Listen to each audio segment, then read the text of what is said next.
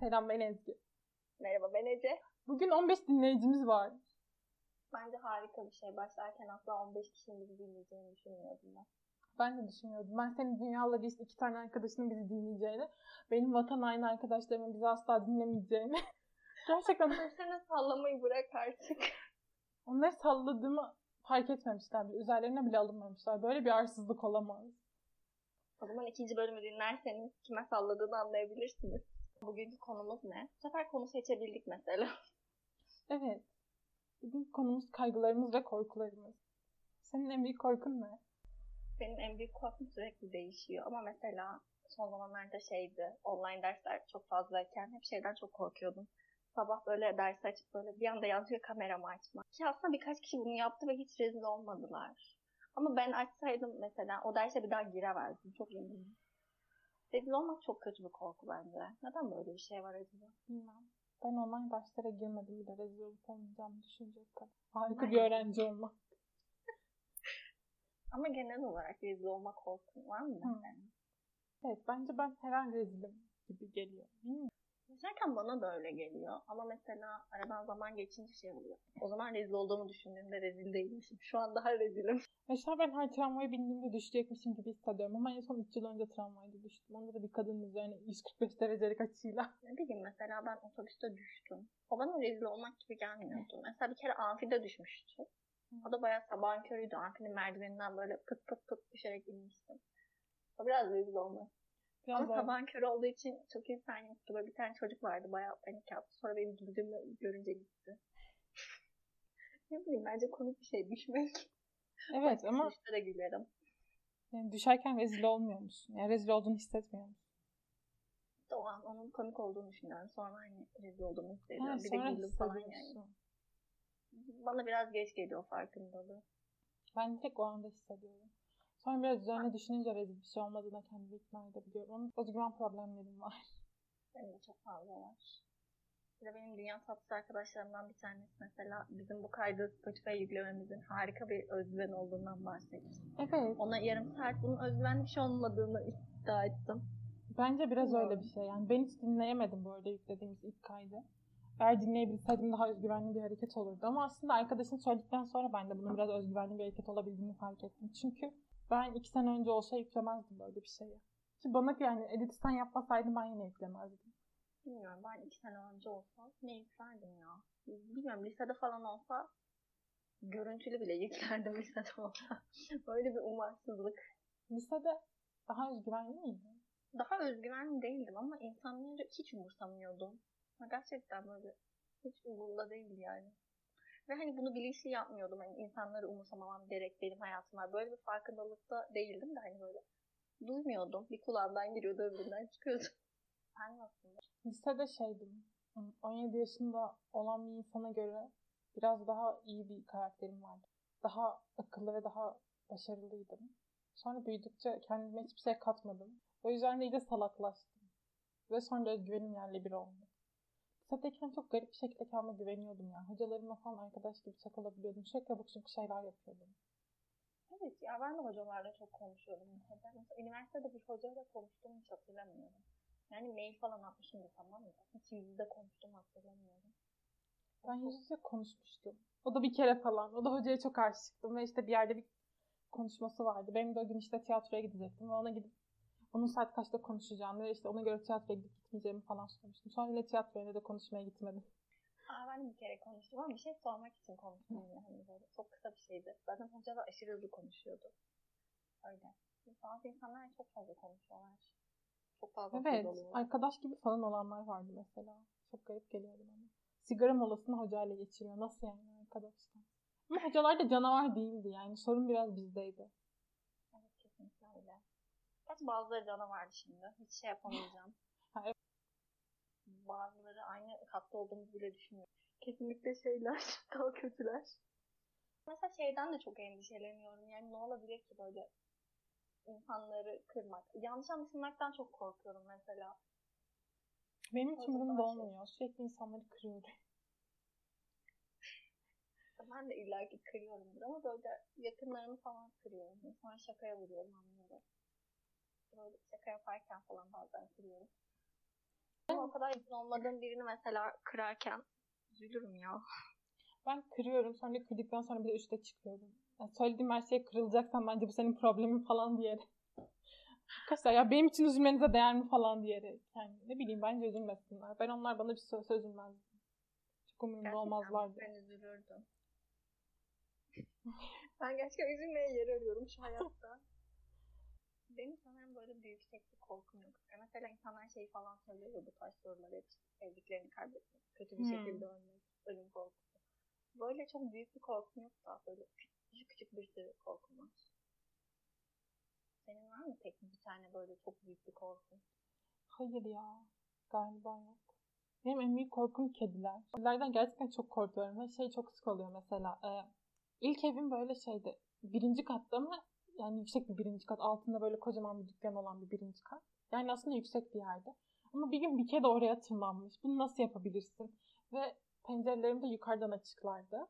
Orada gezmiş. Sonra işte iki tane oda vardı ve işte benim olduğum odanın penceresine geldi ve ben kediyi gördüm ve birincisi inanamadım. Zaten çok büyüktü. Sonra hemen pencereyi kapattı. Sonra yan odanın penceresi hala açıktı ve kedi bu sefer oraya gitti ve ben de hemen oraya koştum. Sonra hemen orayı da kapattım ama kedi üstten açık olduğu için aralıkları böyle biraz yokladı falan. Mesela o kedinin eve girebileceğini düşünüp çok uzun bir süre korktum ve böyle kedi oradaydı ve aşağı inmiyordu. Ve bir tane adam da kediyi almaya çalışıyor yani gelsin diye. Kedi gitmiyor. Kedi sanki camı kırıp içeriye gelebilirmişçesine böyle ben çok uzun süre bütün kapıları kapatıp böyle salonda bekledim. Şey bir bekleyiş ama. E, Mira'nın böyle havuzun dibindeki depresyon bekleyişi var ya öyle bekledim. Bu gerçek bir fobi. Şey rüyaları çok görüyorum. Böyle kedilerin bana saldırdığı, bana abuk subuk şeyler yaptığı falan. Hep böyle şeyler görüyorum. Hayattaki en büyük korkum kediler. Bir kediye bir metreden daha yakın durmak. Neden bu kadar çok korkuyorsun acaba? Çocukken falan kedi mi tırnakladı? Ne oldu? Hayır. Sadece biz e, ilkokuldayken bizim apartmanda bir tane kedi doğurdu. Ve orada yaşıyorlardı yavrularıyla. Onlardan o zaman da korkuyordum. Böyle sürekli bize mırlıyordu. Bir sürü yavrusu olduğu için. Eve girip çıkamıyordum. Annemle gidip annemi arıyordum ve annemi çağırıyordum. Annem de aşağı inmiyordu. Bir anne davranışı. Evet yani kapıyı açıp sadece bağırarak beni desteklediğini düşünüyordu. Ama yani olmuyor anne. Kedi var orada. Gelemiyordu. Bilmiyorum. Okulların içine gitmelisin işte. falan böyle. Çok kötüydü. Bir de bu korku böyle gittikçe arttı. Anlamsız bir hal aldı. Apartmanda falan kedi bazen takılıyor. Benim o yüzden gidemediğim çok fazla ders oldu. Çünkü merdivende kedi var ve evden çıkamam. Bir de hele ilk oturduğum evde kedi sürekli benim kapımın önüne gelip miyavlıyordu. Ne var bu evde? Senden korktuğum bu kadar hissetme. Allah'ın cezası hayvan. Biraz uzak dur yan kapıda miyavla bari. Çok kötü oluyor. Normalde kediler yani o kadar insanlara sırnaşmaz bile ne bileyim ben kedi sevmeye çalışsam gider. Sen kediyi kovmuşsun ve pencerenin arasında durmuş resmen. Çok garip. Bu kadar işte. En büyük korkum kediler. Bunun dışında hiçbir şey bana yeterince korkutucu gelmiyor. Aslında geliyor ya. Mesela toplum içinde konuşmak falan da bana çok korkutucu geliyor. O yüzden avukat oldum. O da biraz bence rezil olmakla bağlantılı değil mi? Mesela ben toplum evet. içinde konuşmam gerektiğinde hep kafamda şeyden anlamıyor. Evet şimdi rezil olacağım. Evet şimdi unutacağım. Kesin kekeleyeceğim. Evet. Bir de mesela korkularla yüzleşmeye çalışıyor musun? Tam kedi korkum çok büyük de diğeri için falan Evet. mesela bir şeyler yapıyor musun? Diğer için şeye gitmiştim. Ee, Bizim okulun psikolojik danışmanlık ve rehberlik merkezine gidip orada danışmanlık almıştım. Çok fazla bu korkunun üzerine gidemedik. Çünkü bu korkumdan önce benim özgüven problemlerim, ol- problemlerim olduğunu söyledi terapistim. Sonra ben bir şoka girdim. Böyle kime anlatsam dedik ya bilmiyor muydun zaten. Gerçekten kötü arkadaşlarım var ya. Boşuna sallamıyorum onları. Yani Ama aslında dostacı söyler. evet ama o kadar da değil bence Ben arkadaşlar. Şey yani madem vardı bana siz niye söylemediniz ki? Benim demek ki haberim yokmuş. Ben bir orada öğrenmiştim. Korkumun üzerine gidemedik. Ne bilmiyorum kalabalıkta o kadar da rahatsız hissetmiyorum ya. Ben insan olan yerlerde abuk subuk derecede panik oluyordum. Mesela işte sinemaya gidiyorum tek başıma ve orada filmin başlamasını beklerken kapıda bir sürü insan oluyor ya. Bir sürü dediğimde böyle 15 kişi falan. Çünkü zaten hep öyle filmlere gidiyorum. Maksimum 15 kişinin izlediği. Ve ben orada kalp krizi geçiriyordum. Sürekli böyle biriyle mesajlaşmam falan gerekiyordu. Gerçi 2 yıldır sinemaya falan gidemedik pandemi yüzünden ama bence biraz azaldı bu korku. En son gittiğimde kimseye mesaj atmamıştım. Ben mesela bir dönem şeydi korkularımın üstüne gitmeye gerçekten çok uğraşıyordum. Topluluk önünde konuşma fobisi benim de var. Ve ben şey yapmıştım. Kendim neyime güveniyorsam şiir topluluğuna girmiştim üniversitede birinci senemde. Ve şiir okurken düşündüğüm tek şey şuydu. Evet acaba hangi satırda unutacağım? Kesin kan vurduruyorum. Kesin çok kötüyüm. Şiir okurken bunu düşünüyordum. Şiir okuduktan sonra da şey dedim. Çok kötü okudun. Sürekli beynimde bu ses dönüyor. Şiirleri ezberleyerek mi okuyordunuz? Benim şiirim zaten kısaydı. Bence hissettiler benim böyle bir fobim olduğunu. Çünkü aslında şeydi ilk başta bir tiyatral bir şiir dinlemişti ve çocuk bana başrolü vermişti. Ya zaten Hı. benim fobim var sen bana başrolü mü verdin bir de? Sonra başrolden ya ben şiir mi okusam, şiir okusam daha iyi olur sanki deyip böyle şiir seçmiştim. Benim şiirlerim kısaydı. Ezberlemekte de sorun yoktu aslında ama oradayken panik oluyordum. Hiçbir işe de yaramadı. Korkularımızın üstüne gitmek için de sanırım kendimize zaman vermemiz gerekiyormuş. Önce başrol yapmıştı Anladı seni ve sen sonra istememiş miydin? İstemedim dedin ya. Ya ben çok geriliyordum başrolken. Çünkü başrol de şeydi Hı. böyle çok kaygılı biriydi ve ben çok iyi oynuyordum. Çünkü ben zaten öyle biriyim. İnsanlar şey falan diyorlar. Çok doğal oynuyorsun. Gerçekten Ama bir yerden mi? sonra ben o duyguları yeterince verememeye başladım. Benim bence o kadar mimiğim yoktu. Evet. Hı.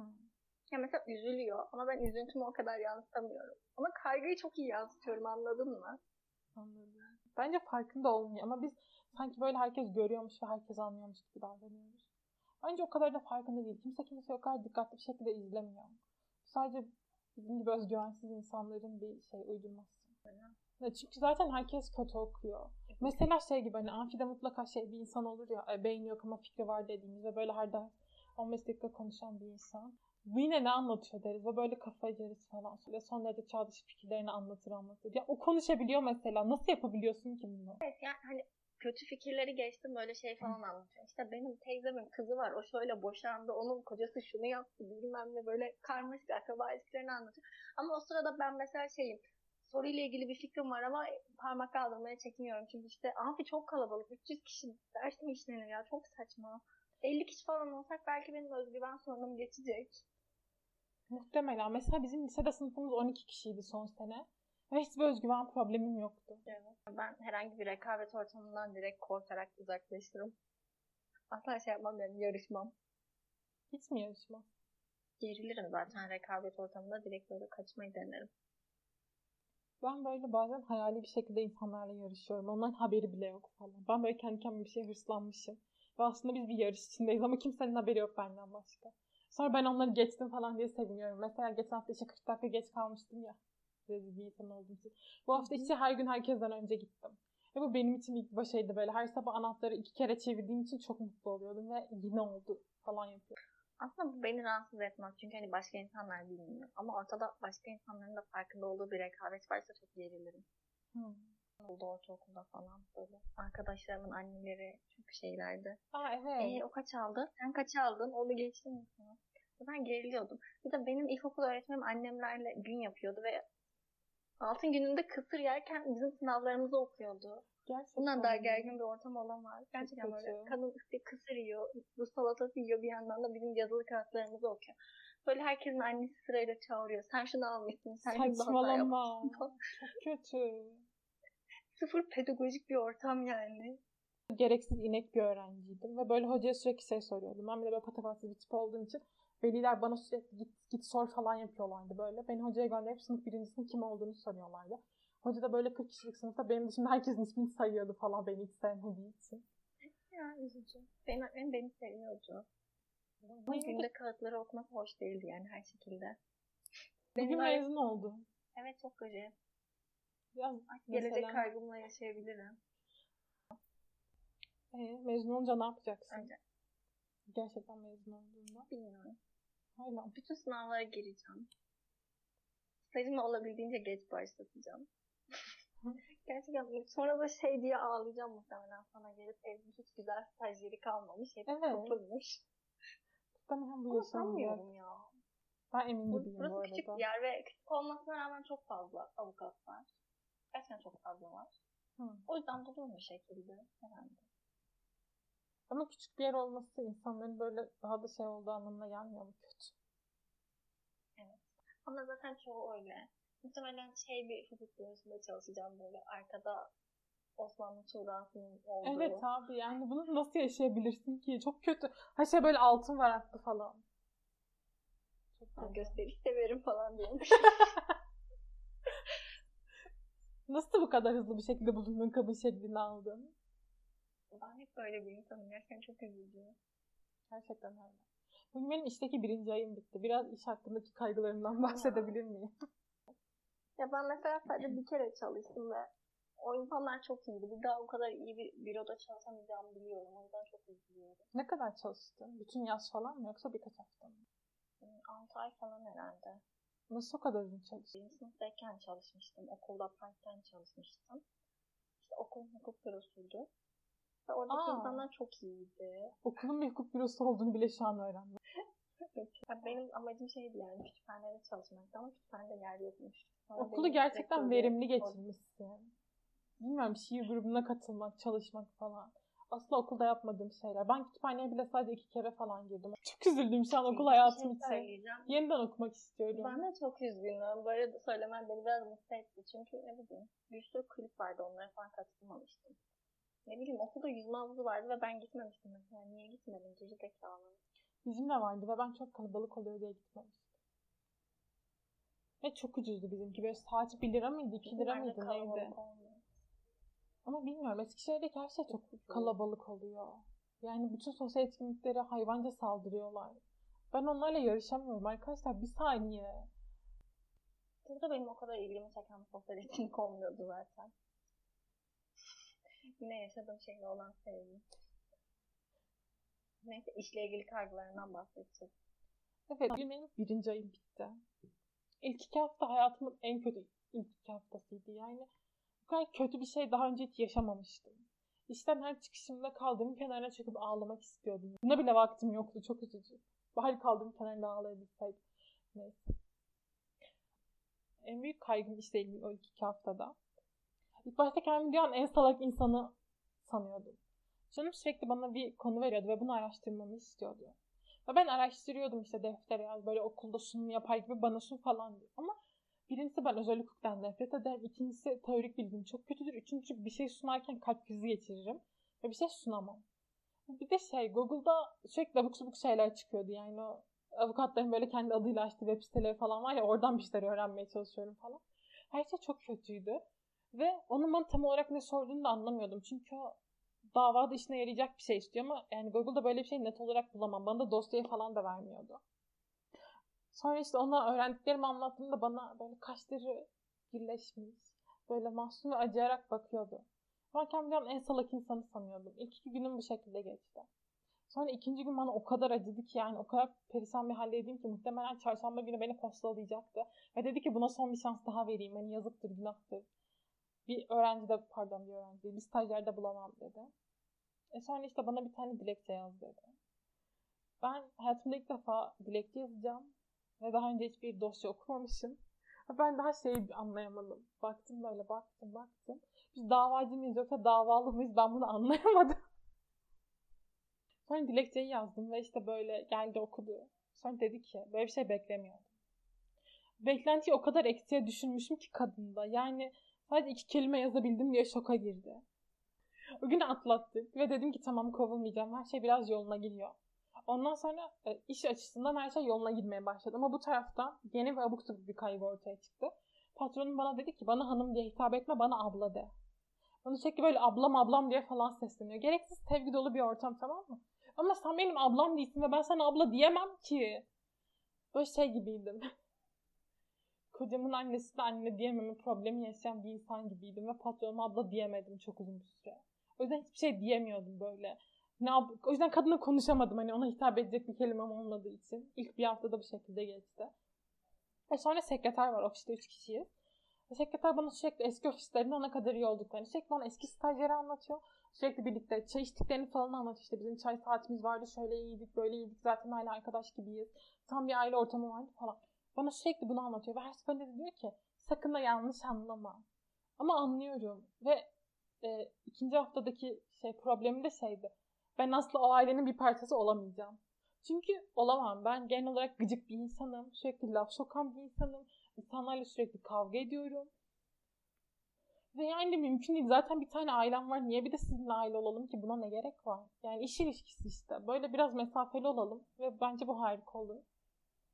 Ben eve gelip bir gün şey diye ağladım. Asla o ailenin bir parçası olamayacağım. Çünkü bence ben insanların çok zor sevebileceği birisiyim. Da tatlı ya. Ben mesela gevşek bir insan olduğum için direkt böyle şeye bağlardım. Patronuma abla diyeyim, sekreter kızla çay içeyim falan. Çünkü mesela ben çalıştığım büroda hatırlıyorum. Bir noktadan sonra sekreter abla bana şey diyordu. Hoş geldin dün sana baklava ayırdık bak şurada falan. Gerçekten iş yerindeki aktivitem kalan baklavayı sıyırmak. ne bileyim kola getirmek. Bir noktadan sonra buna evrilmişti. işte kısır falan getiriyorlardı. Ofiste bence çok bir olay. İşte Ben bir gevşerdim böyle. Hanım demek istemiyorum. Tamam demeyeyim o zaman. ben bununla uyum sağlayamadım. Çünkü çok buna hazır gitmemiştim. Bir de ben bir şeylere uyum sağlarken aşırı zorlandığım için asla olmadı. Aslında çok iyi bir ortam. Yani birisi sana bana abla diyorsun diye eve gelip ağlayamazsın Ezgi. Yani biraz kendine gel. Çok saçma yani benim hissettiğim ve düşündüğüm şey muhtemelen ama işte kaygım buydu. Çünkü Ama bence saçma değil. bilmiyorum. Ama az önce ben Bana yapabilirim dedin. Ece. Ama ben saçma bir insanım mesela. Hayır ya bence Hemen normali uyum bu. sağlayabilirim. İşte bence harika bir şey hemen uyum sağlayabilmek. Ama mesela ben de ilk gittiğim zaman şeydi böyle görüşmeye gitmiştim. O zaman sekreter böyle ne içersin diyor. Bir şey içmem diyorum. Böyle sekreter bana zorla bir şeyler yedirmeye çalışıyor. Böyle ilk gittiğimde tanışmamıştık. Ben hiçbir şey yemiyorum. Bana sorular soruyor böyle. Tek kelime cevaplar veriyorum. Mesela kadının devamını sormuyorum. İşte nerelisin diyor. Nereli olduğumu soruyorum. Ama kadına siz nerelisiniz demiyorum. hani buradan oraya evrildik. Hani kaç ayda ya? 6-7 ayda. O yüzden bence sen de evrilebilirsin zamanla. Buna sevindim. Çünkü gerçekten ben de onlara hiçbir şey sormuyorum. Kaygım hep böyle şeydi. Beni asla sevmeyeceklerdi. Böyle bir problemim olduğunu çok farkında değildim. Ve hani sürekli arkadaşlarıma şey, şey soruyordum. Hayatımdaki her insan benim çok uzun zamandır hayatımda. Yani en az 5-6 yıldır hayatımda. O yüzden kimseye yakın bir zamanda kendimi sevdirmem gerekmedi. O yüzden sürekli şey soruyordum arkadaşlarım. Mesela beni şu an tanısanız yüzde kaç severdiniz falan diye soruyordum. Yani genelde seveceklerini iddia etseler de her gün 70 kere falan kavga ettiğimizi düşününce asla sevmezlerdi. Yeni tanıştık mesela ve ben seviyorum seni. Bence şey değilsin, sevilemeyecek bir insan değilsin. Ama şey, Ben de çok sevgi dolu bir insan değilimdir yani. bence biraz sevgi dolu bir insansın. Ben hayır değilim. ben böyle düşünüyorum biraz. Ya bilmiyorum bir insanın beni sevmesi bence dünyanın en saçma şeyi. O yüzden sevmemeliyiz. İşte bu tarz kaygılarım ve korkularım var. Lütfen bir terapist bağlayabilir mi buraya? Yetkili kişi. Bence çok anlaşılabilir mi? Bilmiyorum ben ofise ilk başladığımda biri beni sever mi diye bir kaygım yoktu. Ama şey diye kaygım vardı. Hiçbir şey bilmediğimi ne zaman anlayacaklar acaba? Ama birinci sınıftaymışsın. Bir şey bilmene gerek yok. Aslında ben de Evet, kimsenin beni sevip sevmemesini düşünmüyordum. Pardon sözümü kestim işe başlarken. Ama hani şey bir anda herkes birbirini bu kadar sevince bir noktada beni de sevmeleri gerektiğini düşündüm. Çok normal ya. Daha iki haftada ne kadar alışabilirsin ki? İlk iki haftam böyleydi. Şu an biraz alıştım. Bu tarz Bence kaygılarım artık zaten yok. zamanla olan bir şey. Evet. Şu an şey kaygım var. Hani diyorsun ya işte bir iş veriyor yapıyorum. İşe başlarsam. Ben yapamam. Ben gerçekten böyle benim salak olduğumu anlarlar falan gibi korkularım var. Bilmiyorum ben yapabileceğimi asla düşünmüyorum ve benim arkadaşlarım da yani görüldü atıyorlar açıkçası onlara. Geçen bir arkadaşıma kira sözleşmesiyle ilgili bir şey sordum ve görüldü attılar. Yazıklar olsun. Bana sorabilirsin. Bunu da bir hafta sonra fark ettim. Bana sorabilirsin. Ben de Yapma, o patronuma falan sorarım. ben de arkadaşlarıma falan iletirim sonra mesajı. şeyi soracağım. Ama şey ya gerçekten sorarım. ben neyi sordum biliyor musun arkadaşıma? Ee, şey, hakim kararını açıklarken e, geri düşünüldüğü Y nokta D olarak kısaltmayı tercih etmiş. Ben de böyle bütün dosyaları okuyorum. Allah'ım diyorum hepsinin sonunda GD yazıyor. Bu ne? Arkadaşıma bunu sordum. Ya böyle her yerde böyle bir kısaltma var ama bu ne diye sordum. Yani gereği düşünüldüğü... Yazın işte ya ne olmuş ki 10 tane harf daha fazla yazsanız. Ben bunun bu olduğunu neden bileyim ki? Al işte bak. Bir şey değil mi? Bence iyi bir soru. Ben birinci sınıfta çalıştığım büroda şeyi sormuştum. Neden ba- bazı dosyalara pembe dosya kullanıyoruz, bazılarına mavi. Ve kadın verdiği cevap şuydu. Kalınsa mavi kullanıyoruz, ince kullanıyoruz. ben bunu merak etmiştim anladın mı? Bence çok olabilecek bir soru. Mesela ehliyet kursuna falan gidersem orada da kesin niye debriyaja basıyoruz gibi böyle şeyler soracağım. O kadar eminim ki. Hiç mesela ne kadar basmam gerekiyor tam olarak. Bilebilecek son kişiyim. Bilmiyorum. Ben de ehliyetimi aldığım günden beri hiç arabaya dokunmadım 4 yıldır falan. Sonra ben de öyle olmak isterim ama annem buna izin vermez. Hadi bir pratik yap. yani bir de bence arabaya çok da gerek yok sonuçta. Küçük bir şehirde yaşıyoruz ve ben otobüse binebilirim. Hiç sorun değil benim için. Gerçekten Yani ben mi Ajda? Pekkan değilim yani. Otobüse binsem bir parçam eksilmez benim ya da sorun yaşamam. Bence kötü. Sürekli toplu taşıma kullanmak işe giderken falan. Mesela ben kıyafetlerimi hep toplu taşımaya göre seçiyorum. Ben okula giderken iki tane otobüse biniyordum gitmek için. ve Hiç sorun olmuyordu. Ehliyet almamak için her şeyi kabullenmiş bir insan. Yani mesela otobüste kitap okuyabiliyordum. Araba kullanırsam müzik bile dinleyemem eminim. Dikkatim dağılmasın diye. Mesela benim çalıştığım büroda da yani fikir olarak hiç ortak noktam bulunmadığı insanlar vardı. Ama bir şekilde konuşabiliyorsun. Çünkü sonuçta insan olmak, toplum içinde yaşamak. Bir İşte noktada o insanı katlanmayı öğrenebiliyorsun. Ya Benim hani bu tarz yapın bunu becerilerim düşünüyor yok. Olabilir. Bence benim de yoktur da. Hani oluşuyor Bence bence var. zamanla. Bence- Evrimsel bir şekilde gelişiyorsun bence. bence toplum içinde yaşamak çok uygunsun sen. Bunu yapabiliyorsun. Ama saçmalama. Başarılısın bence. Ben yapamıyorum. ben her şeyden kaygı duyabiliyorum. Bunu dedim acaba ne düşündü? Öyle dedim acaba ne anladı? Benim yanlış mı anladı? Böyle şeyler düşünebilirim. Ben çok da uygun değilim toplum içinde yaşamaya. Ama hiçbir insan tek başına sıfırla ne yapacak? Bu kaygıların senin hayatını ne kadar etkiliyor mesela gündelik hayat? Ya dersten örnek verdik ya mesela bu dıdısının dıdısının saçma evliliğini bile anlatıyor birisi ama sen aslında o konuyla ilgili bir fikrin var ama işte çekiniyorsun el kaldırmıyorsun. Bu tarz şekiller de etkiliyor.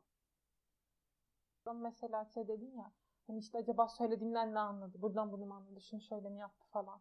Onu an konuşma içinde de düşünüyor musun? Yoksa sonra mı? Konuşurken düşünmüyorum. Konuşma bittikten sonra düşünüyorum. Evet sonra. Konuşurken düşünsem zaten hani biraz daha düşünerek konuşsam böyle sorun olmaz. Ama konuşurken hiç şey düşünmüyorum. Sonrasında düşünüyorum. Hemen konuşma biter bitmez mi bir değerlendirme yapıyorsun yoksa gece uyurken falan mı? Bir gün değerlendirmesi. Uyumadan önce. Çünkü evet çünkü uykumun kaçması lazım. Gerçek bir kabus. Yoksa olmaz. Gerçekten öyle. Yani hiç umursamamak harika bir özellik. Çok isterdim öyle bir insan olmayı. Çok garip ya. Hiç problem çıkarmayan falan bir insansın. Ve buna rağmen bu kadar kaygının olması. Çünkü hani şey mesela aslında çok İşte Farklı iki insanız. evet aslında çok farklı iki insanız ama böyle çok fazla şeyimiz de var. Ortak kaygımız ve korkumuz da var. Bana çok garip geliyor. Yani aynı coğrafyada yaşıyoruz. Allah kahretsin Bence ne bazı coğrafyaya mı geldi? Mesela benim mesela benim gelecek kaygım var. Senin de var. Ya tabii ki Hangimizin var. yok? Evet. Herkesin var. Ama mesela bunda da bana şey hani çok kolay olabilirlik bir kısmı varmış gibi de geliyor ama ben o yolu tercih etmek istemiyorum. Bence biraz bu tercih ettiğimiz yolla da ilgili yani. Farklı yol tercih eden insanların bir kaygısı yok. Bilmiyorum. Hiç böyle düşünmemiştim. Herhangi bir tercihin sonucu olduğunu. Yani değil mi yani? Bir şey tercih etmiyor musun? Ben gerçekten hiç karar vermediğim için hayatımda. Ama verdin ya işte staj yapacaksın, bir sürü sınava falan gireceksin. Bunların hepsine karar verdin Ece. evet. Ehliyet almamaya karar verdin. Ehliyet alacağım kesin ya. Bilmiyorum. Ben erteliyorum. Bir ay daha ertelerim en fazla. Ama bir yandan da bilmiyorum. Bana ehliyet vermemesi de bence iyi bir şey olabilir. Mesela şehirdeki insanların güvenliği için. Bilmiyorum. Senin kaygılarından yeterince konuşmadık. Hep benim kaygılarımı Bence ben konuştuk. çok fazla konuştum. Bence sürekli benim kaygılarımı konuştuk. Hayır. Burası senin terapi koltuğun değil Ece. Burası senin terapi koltuğun olabilir Ece. O zaman istersen. En azından bugün yaz dizileri falan konuşmadık. Ben bunun için çok mutluyum. Bir anda konu karakterlerine gelmedi mesela. An getirmeye Evet, çalışmıyorum. Hayır. şey. Ama sohbetimiz o kadar akıcı oldu mu emin değilim. Çünkü yaz dizileri sanırım daha kolay dinlenebilir şeyler ve biz bugün oturup korkularımızı, kaygılarımızı konuştuk. Çok emin değilim. Bence herkes X2'de falan dinlerse her şey güzel olabilir arkadaşlar. Dinliyorsanız eğer. Ben mesela arkadaşıma şey dedim en azından dinleme sabrımı gösterebilmişsin falan dedim. Teşekkür ettim. O da ne yaptım ki dedi. Ben de Mesela bunu gösterebilirsin. Bu çok iyi bir şey dedim. Sonra şey dedi. Ya ama mesela bazen ileri aldım bazen geri aldım falan dedi. Bu asla sorun değil. Baştan sona dinlemişsin. Gerçekten değil ya. Çünkü ben dinleyemedim bile. Böyle birkaç yer atlaya atlaya dinledim ve özellikle kendi sesimle denk gelmediğim yerleri falan bulmaya çalıştım. Çok kötüydü kesinlikle. Ben edit yaparken dinledim işte. Edit'i de zaten 3 günde falan yaptığım için bilerek çok sorun olmadı ama baştan sona dinlemek istedim. Ben de mesela şey oluyor. Kaygılarım ve korkularım zaten çok fazla. Bir de mesela küçük bir olayı böyle kendin kurarak büyütüyor musun? Ben mesela yapıyorum. Mesela... Ne kadar kötü olabilir aslında. Geçenlerde mesela grip oldum. Ve doktora gittim. Kulak burun boğazcı. Bana dedi ki bir şey yok alerjin var. Bana ilaç verdi yolladı. Üç gün sonra tekrar gittim. Kulaklarımı yıkatacaktım. Hala iyileşmemiştim. Hala iyileşmediğini söyledi. Adam yine beni umursamadı ve dedi ki yine alerjik. Yine işte sinüzitin var. Beni yine yolladı. Tamam Ondan sonra bayağı 2-3 gün daha geçti ve ben hala iyileşmedim. Artık şeyi düşünmeye başladım. Ben Covid'dim. Aileme bulaştırdım. Tatildeydik o sırada. Tatil yaptığımız o kamp alanındaki insanlara da bulaştırdım. Çünkü ben sonuçta denize girdim, bakkala gittim, tuvalete girdim. Buradaki herkes ölecek ve sebepleri benim. Gerçekten en son vardığım nokta buydu. Bilmiyorum ya. Bu kadar büyütüyorum aslında biraz ama bu kadar büyütüyor muyum emin değilim. Ve bütün dünya benim yüzümden ölecekmiş gibi davranmıyorum. Benim gerçekten 3 tane sürdü. Direkt böyle bütün kampın benim yüzümden karantinaya alındığı ve oradaki insanların benim yüzümden orada kaldığı. Bunu ama 3 saniye sürdü. Doktor sana yeterince güvenilir gelmiyor mu ya? Ben doktora inanırdım ve alerjim var. Sadece devam ederdim orada. Hiç büyütmezdim bile. Ama geçmedi. Ama işte bir alerji... O kadar sürmemeli Ama ne bileyim bir hafta da geçmeyebilir. Alerjiden kaynaklı diyor. Sinüzit diyor. Ama ben hala öksürüyorum anladın mı? Yani bana normal bence. geliyor. Bilmiyorum ben doktora hmm. güvenirdim. Biraz da bilime güvensek? Neyse sen kafanda kurmuyor musun ya? Çok konuşacak bir şey yok. Niye normal insanlarsın ya? Niye kafanı kurmuyorsun ya? Hayır ya ben de kafamda bir şeyler kuruyorumdur ama yani doktor böyle bir şey dedi diye de kurmam. Ve şu an kafamda kurduğum bir örnek de aklıma gelmiyor. Ben şey miyim şu an Twitter'daki kuruyorsun kızım kafanda kuruyorsun. Gerçekten olsun. Biraz abartmışsın. Ama iyileşmedim diyorum sana. Ben hiç 6 gün hasta olduğumu hatırlamıyorum. Bir de 6 gün mesela çok kısa bir süre. Bence çok fazla bir süre. Ben ikinci güne iyileşirim normalde. Ama bunları düşünmüyorsun anladın mı? Sen anlayamazsın çünkü sen mantıklı bir insansın. Uykum geldi. Yarın da işe gideceğime inanamıyorum. Şey moralimi çok bozuyor biliyor musun? İşe gidiyorum ya artık hiçbir şey yok hayatımda. Geriye kalan hiçbir şey yetişemiyorum. Hiçbir şey yazamıyor olmak beni çok üzüyor mesela. Başka hiçbir şey yetişemiyor olmak. İki hafta işte çok kötüydü. Yani böyle bundan çok korkuyordum. Hayatımın geri kalanı hep böyle geçecek olmasından ve benim artık beni mutlu edecek hiçbir şey yapamayacak olmamdan. Ki ben bölümü falan çok seviyorum aslında. İşi de çok seviyorum. Ama hani şey, peki hayatımın geri kalanı ne olacak? Yani ben acaba gerçekten bunu mu yapmak istiyorum sürekli falan? Bunu çok düşündüm mesela. Sen emin misin yapmak istediğin işten? Hayır tabii ki. Ben hayatımdaki hiçbir şeyden emin değilim. Ece harika birisin. Teşekkürler. ben gerçekten hayatımdaki hiçbir şeyden emin değilim. Mesela bir sürü sınava gireceğim ya. O sınavlardan birini kazanırsam direkt zaten o şeyi istiyormuş gibi davranabilirim. Anında 180 derece dönebilirim. Gerçekten adi bir insansın ya. Sana söylediğim her şeyi hak ediyorsun. Nasıl yapabilirsin bunu? Nasıl olabilir? Ama sonuçta Benim bir hayali falan var Ece. Bu, hayırlısı buymuş derim. Benim bir hayalim yok işle ilgili. Mesela şeyden ya? çok korkuyorum. Nasıl olmaz? Zaten memleketimde okudum anladın mı? Mesela burada stajı da burada yapacağım yani. Ve sonra burada büro açarsam gerçekten çok korkuyorum. Ben başka bir yerde yaşayayım artık yeter. Ama bunun için de hiçbir şey yapmıyorum mesela. Evet. Yani şey gitmek istesen sana birisi dur der miydi? Kendim. Kaygılar beni çok yoruyor. Ben zaten kaygılı bir insanım. Ama kaygıları konuşmayı sen istedin. Evet ben çünkü kaygılarımın da üstüne gidiyorum. Korkularımın üstüne gidiyorum. Hiçbir şey de elde edemiyorum. Mesela başka hangi korkun üzerine gittin? Şiir dinletisine katılmak dışında. Baya üniversite 1'de mi yani sadece korkularınla ilgilendin? O ana kadar ya da ondan sonra hiçbir şey yapmadın mı? Sınıftayken pandemi vardı zaten. Hayatta kaldığıma şükredelim. Doğru. Okul 3 yılda bitirdiğini bir an unutmuşum. Senin okul 3 yılda bitiren bir öğrenci olduğunu unutmuşum. Arkadaşlar kimlerle karşı karşıyayım ya? Bir insan okulu nasıl 3 yılda bitirebilir ki? Ben pandemi olmasa mezun olamıyordum mesela. Ve mezun olamayacağım için çok üzgündüm. Bu yüzden gezegenler beni çok sevdikleri için dünyaya pandemiyi layık gördüler. Pandemi olmasa ben de 4 yılda bitirdim. İşte benimki Zeynep uzuyordu ama. Benimki de zamanında bitirdim. Bir noktada kapatmamız gerekiyor. Nasıl Tamam. kapatacağız? Yani, umarım kaygılarınızla yüzleşirsiniz. Korkularınızla yüzleşmek için de doğru zaman bulursunuz. Podcast'ını dinleyen 5 kişi. Hayır 15 kişiler. Bence o kadar yüzleşmenize de gerek yok arkadaşlar ya. Yüzleşip ne yapacağız ki? Ben yüzleşmiyorum galiba. Sadece farkındayım. Ve farkında bir şekilde üzülmeye devam ediyorum. Ben de çok başarılı bir yüzleşme yapmadım o yüzden konuşamayacağım. Neyse zaten biz ilk bölümde öneri vermeyeceğimizi söylemiştik. Evet. Evet, kaygılarımızla buluşalım. evet mesela ben uyumadan önce Ezgi'yi kırdım mı diye düşüneceğim. En asla kırmadı. İstesem de yapamam. Çünkü benim bir kalbim yok. ya. O zaman bizim hiç tahmin edemediğimiz testlerimize tahmin ettiğiniz için teşekkür ederim. Bir sonraki bölümde görüşmek üzere.